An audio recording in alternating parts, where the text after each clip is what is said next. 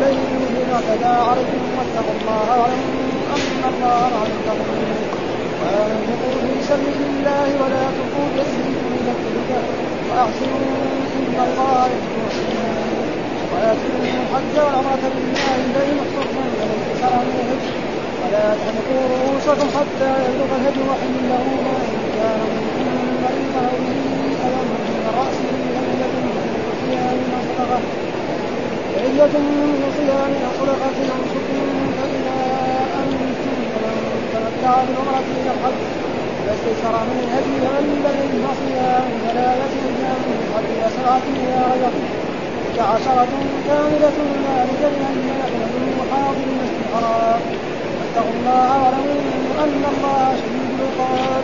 صدق الله العظيم. أعوذ بالله من الشيطان الرجيم بسم الله الرحمن الرحيم. يقول الله تعالى وهو أصدق القائلين الشهر الحرام بالشهر الحرام والحرمات قصاص ومن اعتدى عليكم فاعتدوا عليه بمثل ما اعتدى عليكم واتقوا الله واعلموا أن الله مع المتقين.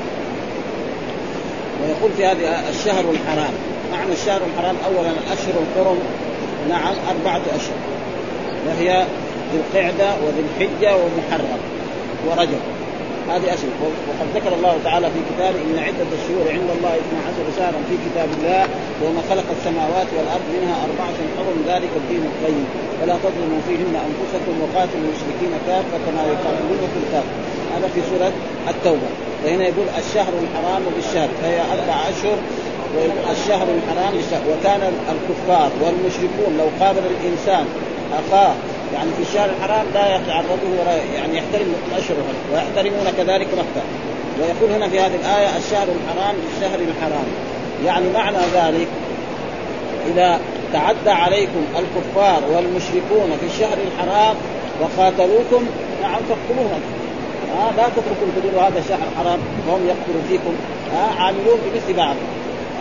فإذا فعلوا ذلك ان تقابلوهم بمثل ذلك فيكون الجزاء من جنس العمل وجزاء سيئة سيئة مثلها فمن عفا وأصلح فأجره على الله.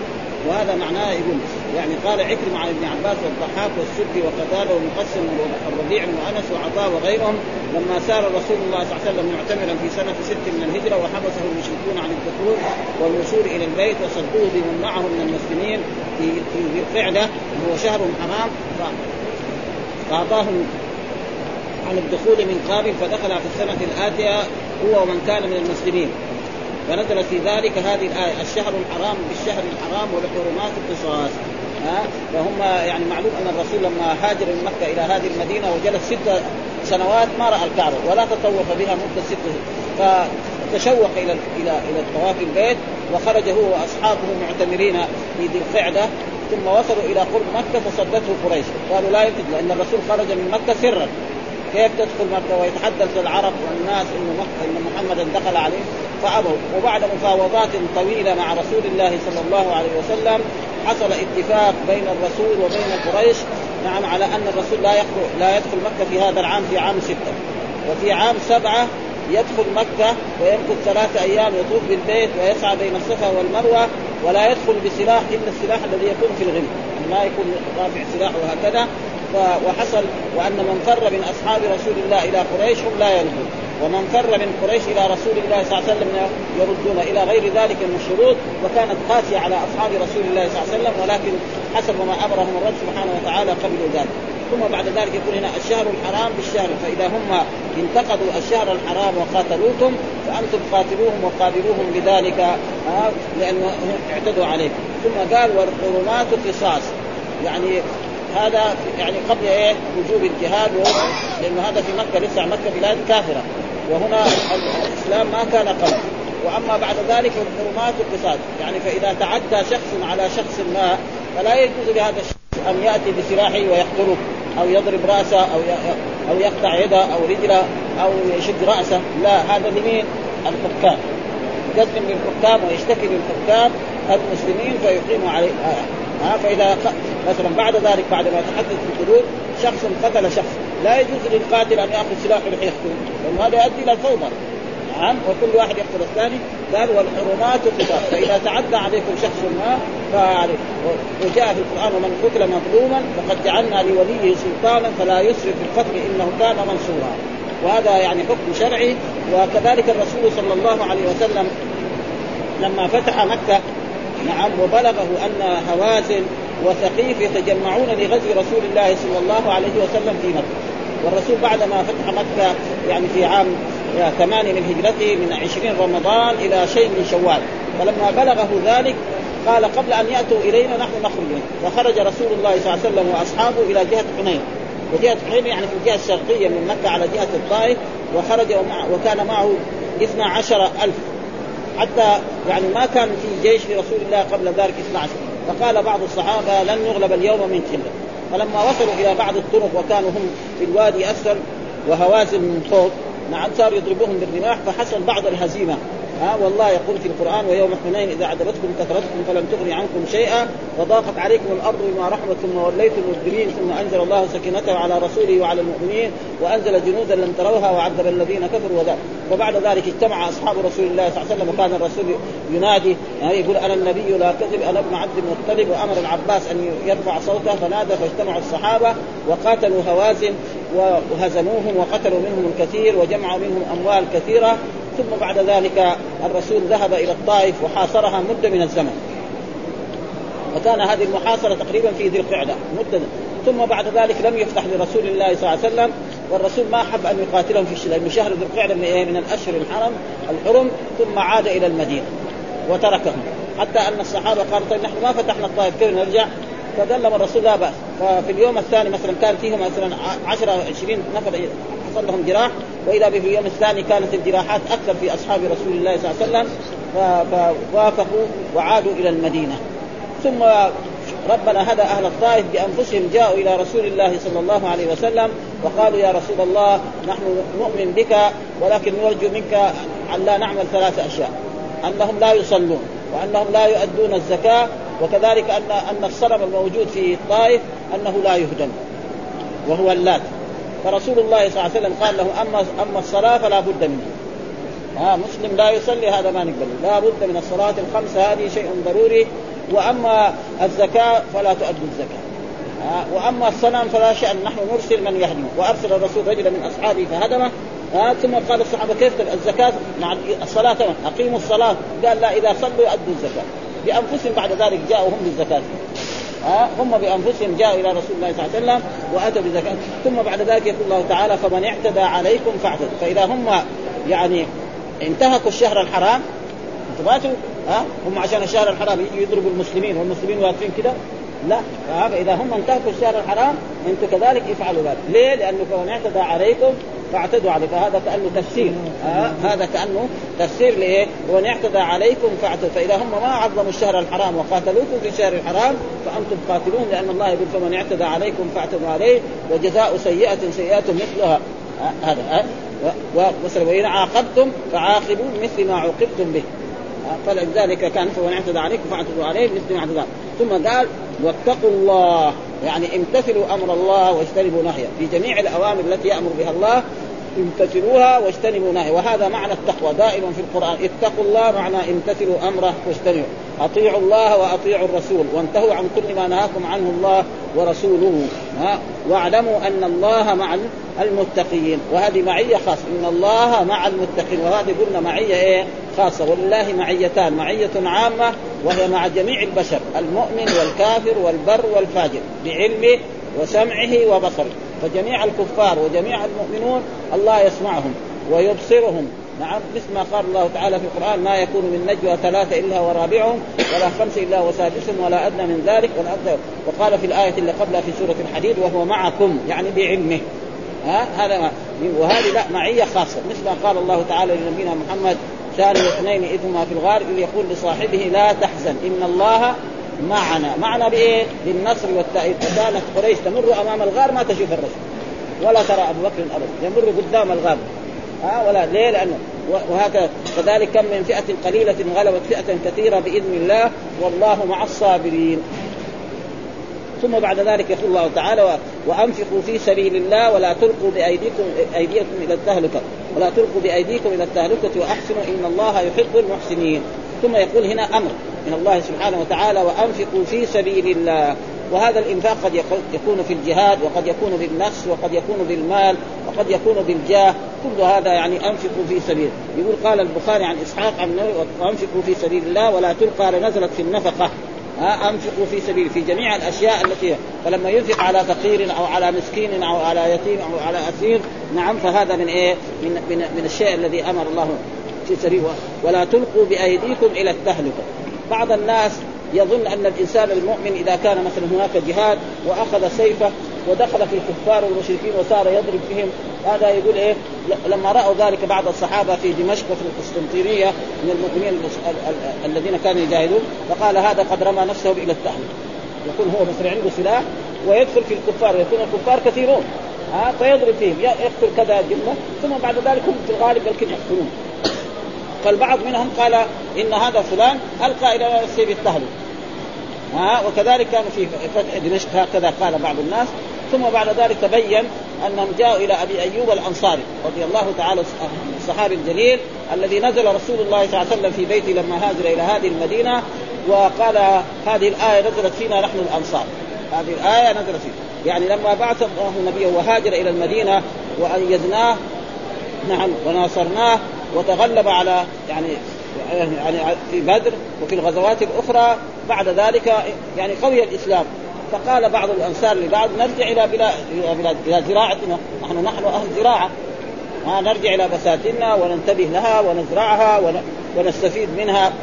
فأنزل الله تعالى ولا تلقوا يعني لا تتركوا الجهاد. ها فالذي يترك الجهاد ألقى بنفسه إلى التهلكه ليس معناه يدخل في إيه؟ في الجيش ويقتل. لا هذا ولا تلقوا بأيديكم وأحسنوا.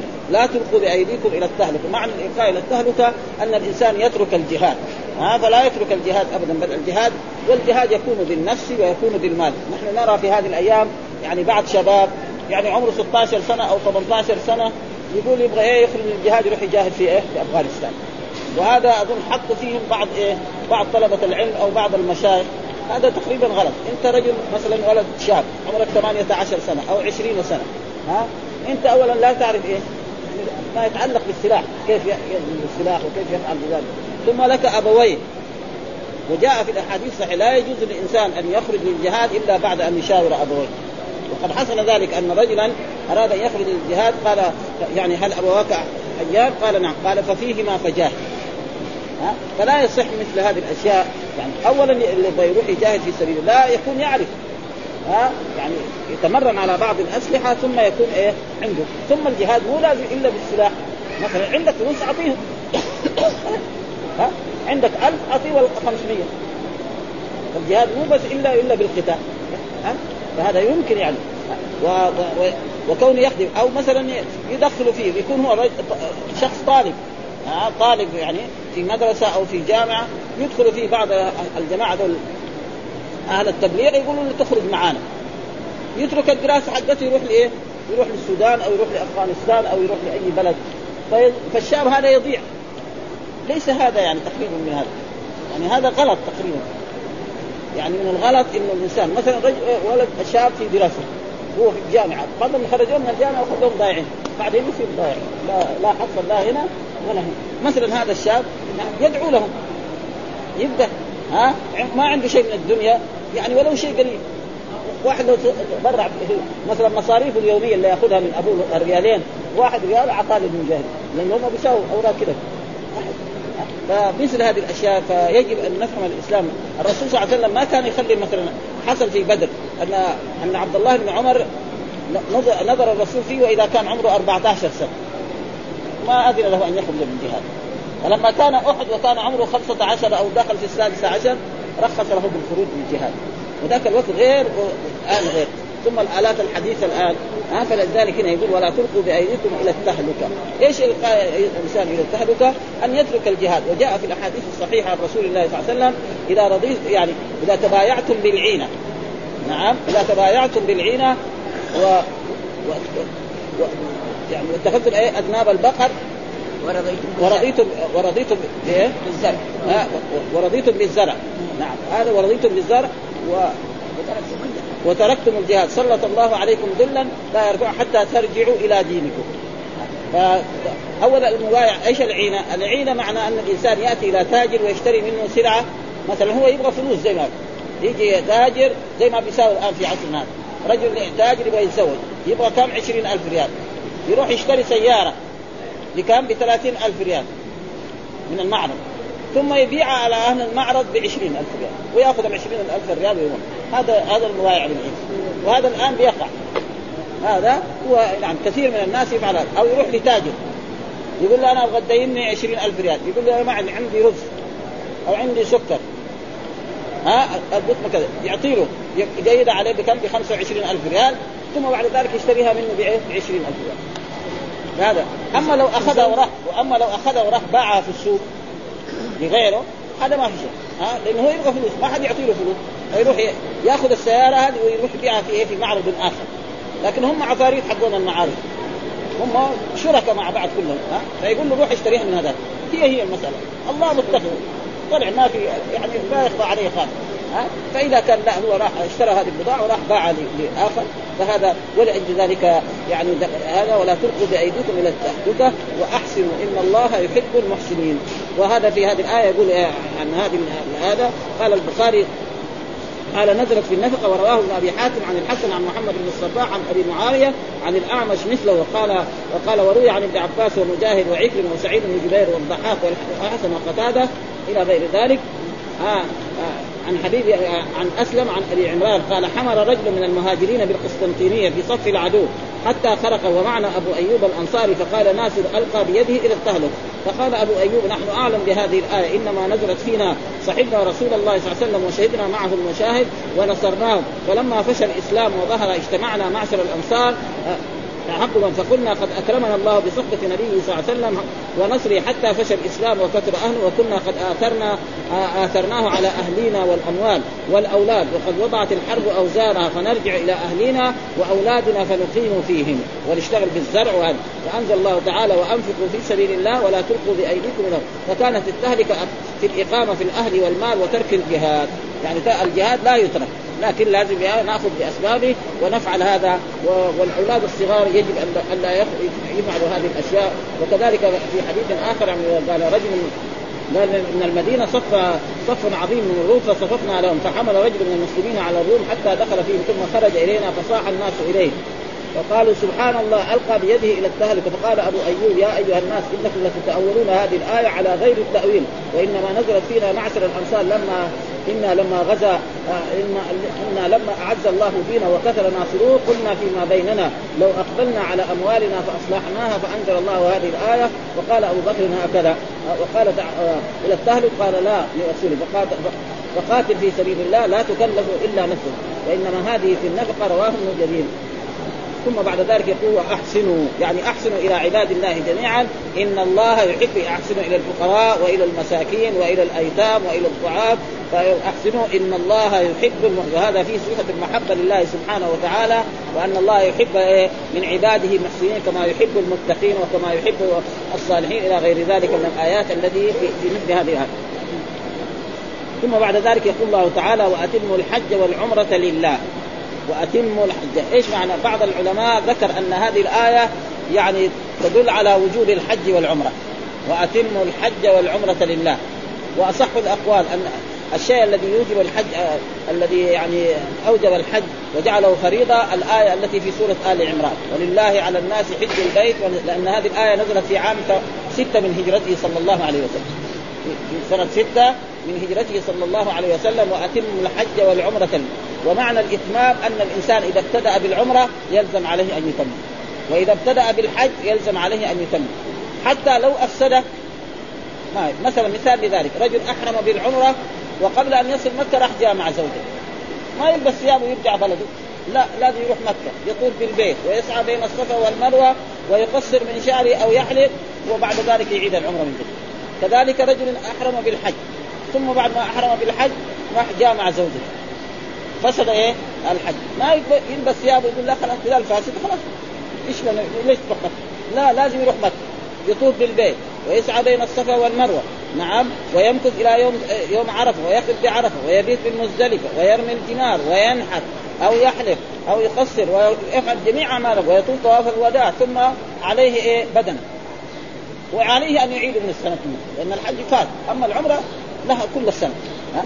يعني بطلنا ما هذا معنى واتموا الحج والعمرة لله أما الحج فركن من أركان الإسلام. ها؟ والدليل على ذلك ولله على الناس حج البيت ونصر أما العمرة فأكثر العلماء على أنها سنة مؤكدة وهذا هو أقوى دليل. ها؟ يعني هذا وهناك من الأدلة أن أن العمرة والحج واجبتان.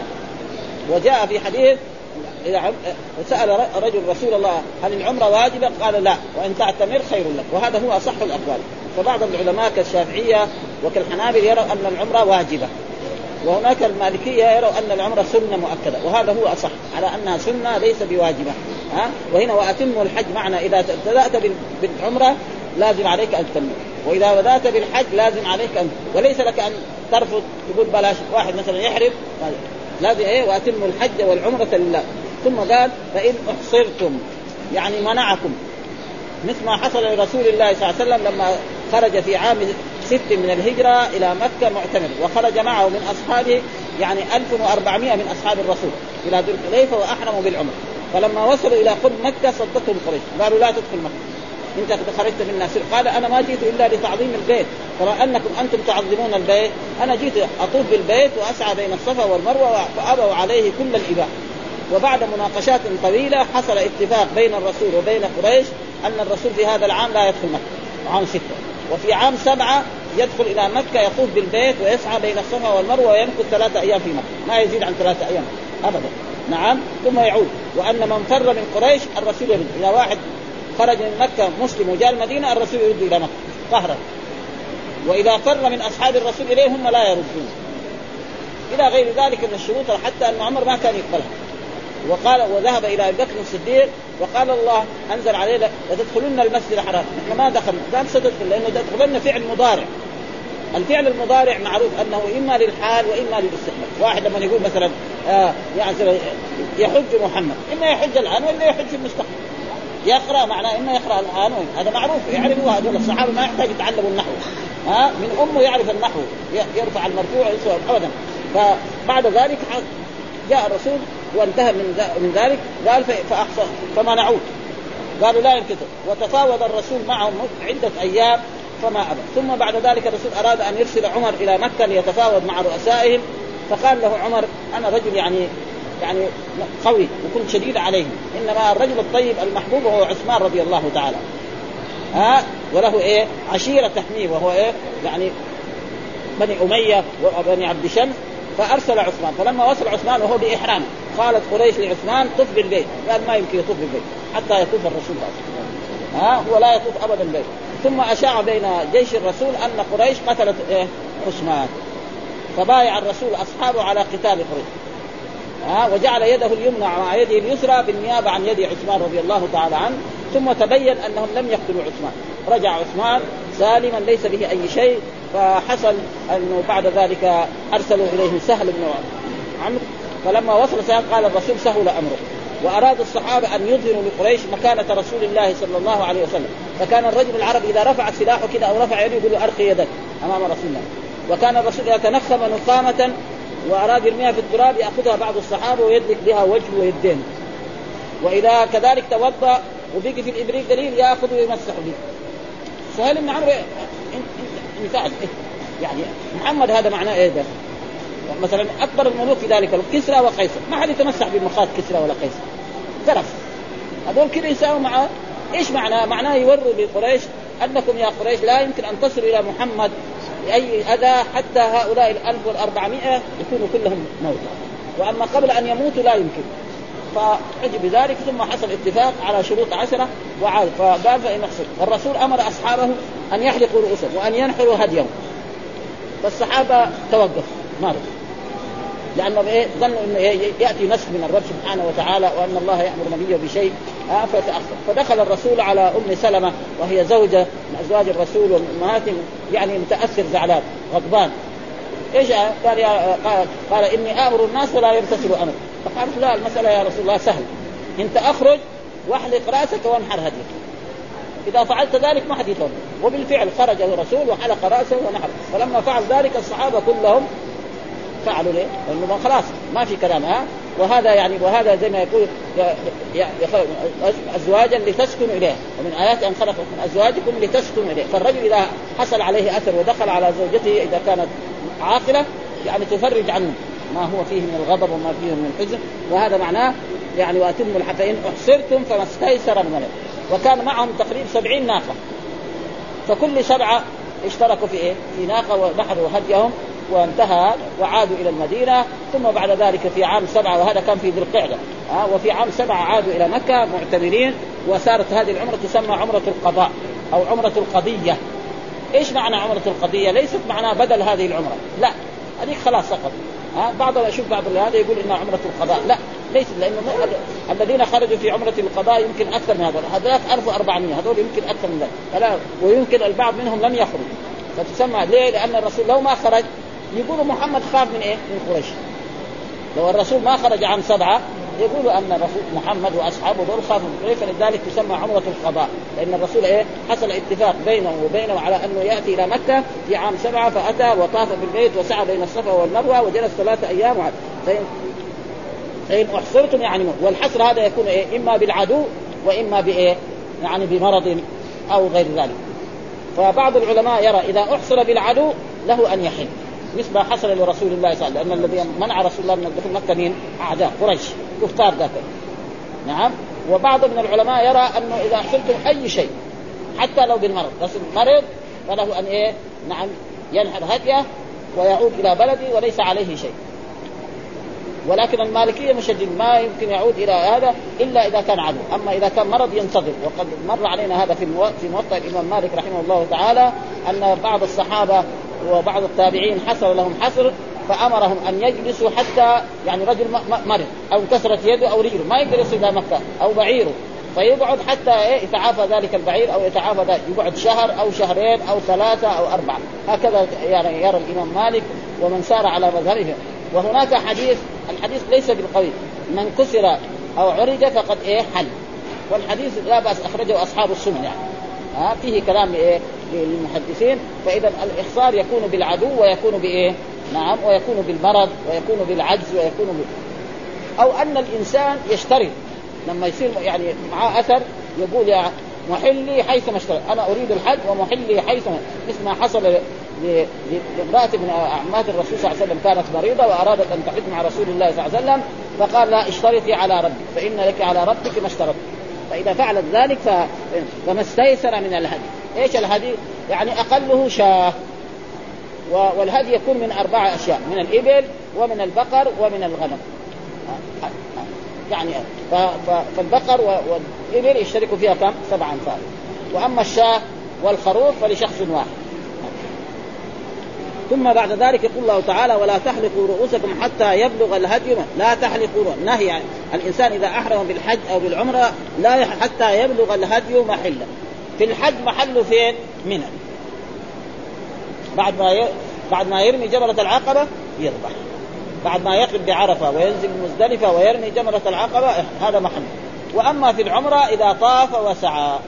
يعني في منى في في في مكة. ها؟ في مكة في أي مكان. ولا فرق بين مكة وبين منى كله حرم. يعني مكة ومنى شيء واحد لأنه منى في إيه؟ في داخل الحرم. أما عرفة فإنها في إيه؟ في الحل ويقول حتى يبلغ الهدي محلة.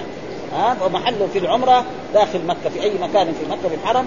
وأما في هذا وهذا هو الصحيح حتى يعني وهو منى في أيام إيه؟ يعني ثم بعد ذلك يقول الله تعالى فمن كان منكم مريضا أو به أذى من رأسه ففدية منه. مثال لذلك يعني معنى هذه الآية أن أن الله يقول فمن كان منكم أيها أيها المعتمرون وأيها الحجاج مريضا أو به بأن مرض أو به أذى من رأسه ففدية من صيام أو سنة. وهذه الآية نزلت في كعب بن عجرة. كعب بن عجرة هذا من أصحاب النبي صلى الله عليه وسلم ممن خرج مع رسول الله صلى الله عليه وسلم في عمرة الحديبية. فلما مر يعني الرسول عليه وهو يخدم أهله عنده قدر يطبخ فيه والقمر كذا يتناثر عليه. يتساقط. فقال له تؤذيك هوامك هذه قال نعم. قال امسك نسيك يعني اذبح شاة أو أطعم ست مساكين نعم أو صم ثلاثة أيام. فصار هذا ليس لكعب بن عجر بل لجميع المسلمين. أي إنسان مثلا مرض صار راسه مثلا ما ما يقدر إلا يغطي راسه في الحج. يعني بعض الناس ما يستطيع يخلي راسه مكشوف فإذا غطى راسه إيش عليه؟ واحد من هذه الثلاث. ففدية من صيام أو صدقة أو نصف. يعني مخير كمان. لأن فيها أو أو أو أو. ها بخلاف مثلا الأشياء اللي ما فيها أو في في كفارة اليمين لا. فكفارته إطعام عشرة مساكين. من أوسط ما تطعمون أهليكم أو كسوتهم أو تحريم كمان هذا يعني تخير بعدين فمن لم يجد؟ ما يصوم إلا إذا كان إيه؟ فقير. كذلك مثلا في كفارة إيه؟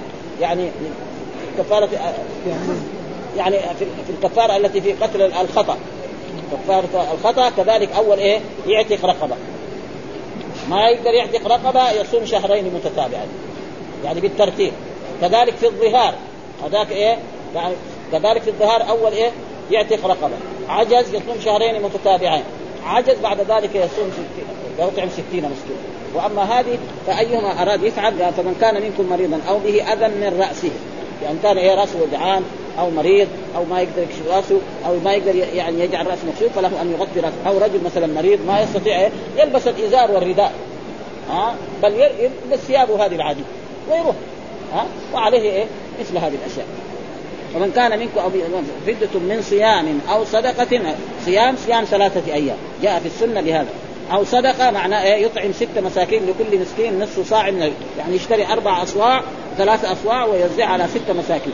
ها؟ أو نسك يعني ذبيحة ثم بعد ذلك يقول فإذا أمنتم فمن تمتع بالعمرة إلى الحج فإذا أمنتم بعد ذلك فمن تمتع بالعمرة إلى الحج إيش معنى التمتع؟ التمتع معناه أن يحرم بالعمرة في أشهر الحج. أشهر الحج ما هي؟ ثلاثة أشهر. شوال وذو القعدة وعشر أيام من ذي الحجة أو شهر ذي الحجة بكامل. كما إيه؟ في مذهب الإمام مالك أن شهر الحجة بكامل. لأن الله قال إيه؟ الحج أشهر معلومات. وأقل الجمع في اللغة العربية كم؟ ثلاثة لكن في بعض يرى أن أقل الجمع كم؟ اثنين. كذلك زي الميراث. مثلا إذا كان عنده بنتين يأخذان الثلثان. مع أنه ما هم ثلاثة وإذا كان ثلاثة أو خمسين برضه ما يزيد عليه. ها؟ والقرآن يقول مثلا آه إن تتوبا إلى الله فقد صغت قلوبكما. كان لو كان على هذا مين هم قلوبكما؟ يعني حفصة وعائشة. كان يقول قلباكما لكن كان إيه؟ قلوبكما جمع. فإذا أقل الجمع في اللغة العربية اثنين بس. ها؟ فلذلك من تمتع يعني أن يحرم بالعمرة في أشهر الحج وأن يحج من عامه يعني مثلا دحين نحن في عام 11 1411 يحرم بالعمرة إما في شوال أو في ذي القعدة أو عشر أيام يعني تسع أيام قبل الحج. هذه إيه؟ وأن يجلس في مكة. ويحج في ذلك العام. وأن لا يكون من أهل مكة. وأن لا يخرج من مكة إلى مسافة بعيدة إلى إلى ميقات أو أبعد من إذا كان كذلك فيجب عليه آه، إذا أحرم بالعمرة ثم يوم ثمانية أحرم بالحج عليه أن يذبح ذبيحة في منى. لأنه إيه؟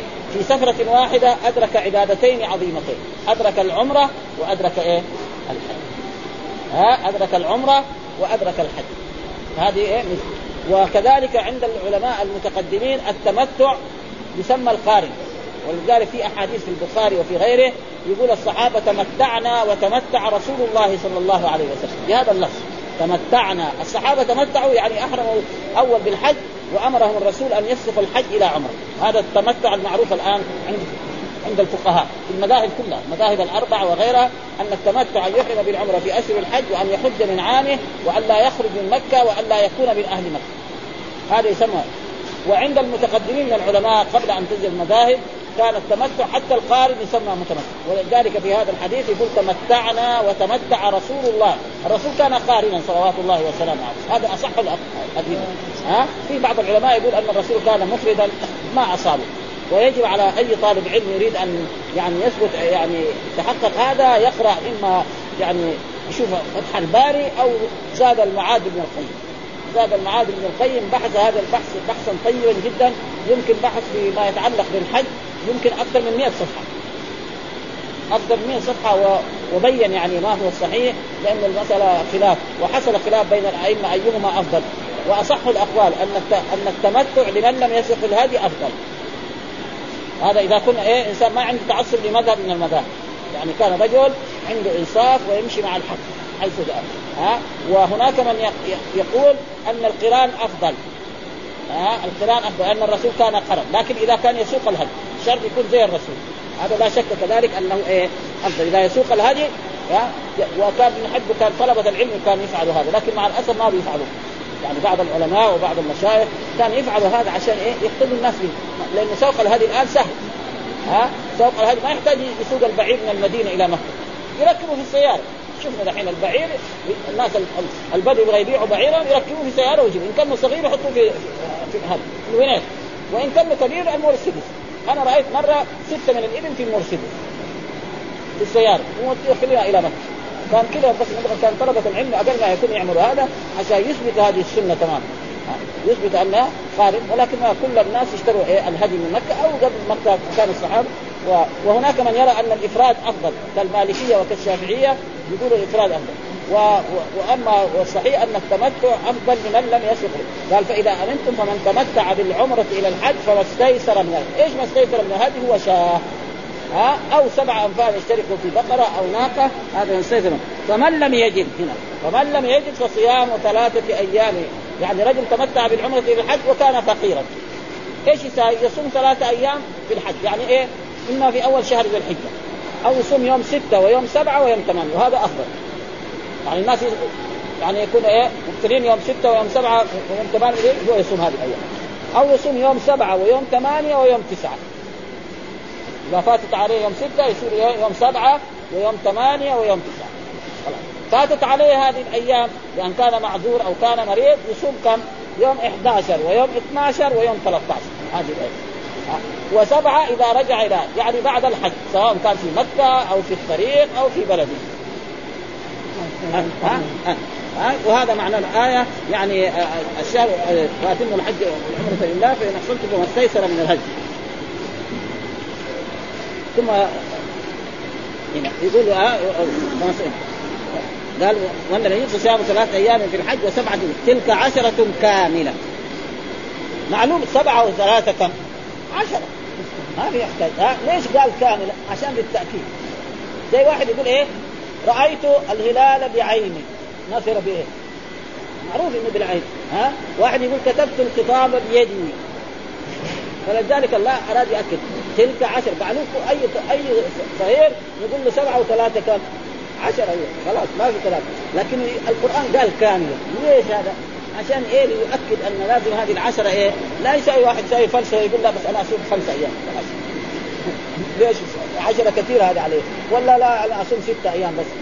أو هذيك الثلاثة مثلا أصوم اثنين وأخلي واحد. وهنا كمان السبعة دي يعني إيه؟ أصوم خمسة وبلاش من الاثنين لا. ها فلذلك الله أكد بهذا. قال وقال للنبي محمد صلى الله عليه وسلم ولا تخطه بيمينه لأن الرسول صلى الله عليه وسلم أمي. يعني لا يكتب ولا يقرأ ولا دخل مدرسة ولا جامعة وأتى بعلم لم يأتي به الأولين والاخرين هذا إعجاز.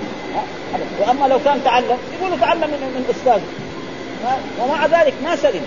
الرسول سلم قالت قريش إنه يعلمه لسان الذي يلحدون إليه عجمي وهذا لسان إنه كان يجلس عند عبد حبشي في مكة وقالوا تعلم القرآن. فالله رد عليه. إذا كان تعلم من العبد الحبشي يقول لكم قران حبشي كمان. جايب لك قرآن عربي فصيح تعرفون ها؟ فلذلك لازم التلميذ اول ما يكون يكون يجيب ما عنده أستاذ بعدين ربنا يفتح عليه يصير احسن من الاستاذ حقه ممكن هذا ما في كلام ها؟ يصير أحسن من الأستاذ حقهم هذا هو الصحابه والتابعين اللي جو بعدهم اطلع على أشياء ما اطلع عليها الأولين ها؟ ولذلك هنا يقول تلك عشرة كاملة ذلك لمن لم يكن أهله حاضر المسجد الحرام. يعني بشرط أن يكون هذا أهله ما هو يعني ما هو من سكان مكة. مثال لذلك عشان نقرب هذا المعنى رجل من أهل مكة ساكن في مكة مو يعني لازم يكون أهل مكة سعودي؟ يعني كمان لا يفهم هذا. مقيم يعني مقيم. في مكة خلاص. ها أيوه يعني مقيم في مكة. فمثلا أحرم في شوال بالعمرة وجاء للمدينة. بعد ما أحرم بالعمره كان في المدينة يعني أحرم بالعمرة كان هو في مكة. وجاء هنا إلى المدينة ثم راح لمكه وأحرم بالعمرة في شوال أو في ذي القعدة. وطاف بالبيت وسعى بين الصفا وجلس في مكة. ولما جاء يوم ثمانية من من ذي الحجة أحرم بالحج. هل عليه هدي؟ ما عليه هدي. ما لأنه هو من إيه؟ من حاضر المسجد الحرام، يعني من سكان إيه؟ المسجد الحرام فليس عليه، وأما جميع الآفاقيين في جميع الاقطار الدنيا أي إنسان يحرم بالعمرة في أشهر الحج ويحج من عامه يلزم عليه إيه؟ الحج. فإن كان فقير يصوم عشر أيام. هذا هو وان تمتع بالبرنامج هذا حاضر لذلك يشترط كم؟ أربع شروط. وأنا رأيتها في إيه؟ يعني في في المجموع للنووي وفي في المغري، يعني متى يجب الهدي؟ آه، أن يحرم بالعمرة في أشهر الحج. يعني من شهر شوال إلى يوم إيه؟ تسعة من إيه؟ من من ذي الحجة. ها؟ وأن يحج من عامه حجه إيه؟ من عام. يعني عام إيه؟ إلى يقعد في مكة إلى أن يحج. وأن لا يخرج من مكة. إلى مسافة بعيد مو بعد يخرج مكة إلى جدة. لا مثلا يخرج إلى المدينة أو يخرج إلى إلى إلى مصر أو إلى هذا خلاص. أو الا يكون حاضر مثل الحرام هذا هو. ولكن كذلك برضه بعض إخواننا طلبة العلم الآن في أيام الحج يقولوا لا وكثير من إخواننا كذلك بعضهم يسأل دائما يحب إيه؟ ما ما يذبح الهدي. فمثلا يخرج من مكة إلى المدينة آه ويكون هو مثلا كان محرم بالعمرة ما يبغى يهدي. والظاهر أنه يعني على كلام العلماء إنه ما يلزم. لأنه كذا اشترط هذه الشروط أن يحرم بالعمرة في اشهر الحج وان يحج من عام وأن لا يخرج من مكة وأن لا يكون من حاضر المسجد الحرام. هذه أربع شروط. فأي شرط نقص منها يسقط عنه الهدي فلذلك هذا فمن تمتع بالعمرة إلى الحج فما استيسر من الهدي فمن لم يجد صيام ثلاثة أيام في الحج وسبعة إذا رجعتم تلك عشرة كانوا ذلك لمن لم يكن أهله حاضر المسجد الحرام. واتقوا الله برضو اتقوا الله معناه امتثلوا أمر الله واجتنبوا نهيه واعلموا أن الله شديد العقاب. ها يعني واعلموا أن الله إذا خالفتم أمر الله في هذه أمور الحج وفعلتم أشياء لا تليق أو محرم عليكم فإن الله شديد العقاب. ها فالله ينتقم منكم ويعذبكم فيجب على المسلمين أن يأتوا بالحج على إيه؟ على يقول لما ذكر الله تعالى أحكام الصيام وعطف بذكر الجهاد شرع في بيان المناسك فامر باتمام الحج والعمرة وظاهر الصيام إكمال أفعالهما بعد الشروع ولهذا قال بعده فاذا فإن أقصرتم أي صددتم عن الوصول إلى البيت ومنعتم من إتمامها. ولهذا اتفق العلماء على أن الشروع في الحج والعمرة ملزم. سواء قيل بوجوب العمرة أو باستحبابها كما هو قول كما هو قولان للعلماء. وقد ذكرناهما بدلائلهما في كتاب من الاحكام مستقصى ولله الحمد والمنة وقال شعبة آه، قال في هذه الآية واتموا الحج قال أن تحرم من دويره أهلك.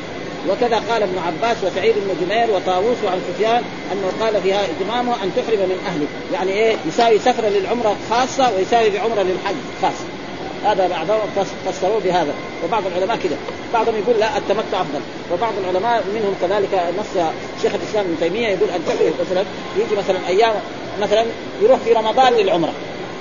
ولما يجي يوم خمسة من ذي الحجة يحرم بالحج. فهذا يصير أحرم من الحجه من إيه؟ من أبيار علي مثلا. أو من مثلا من الطائف هذا معناه إيش؟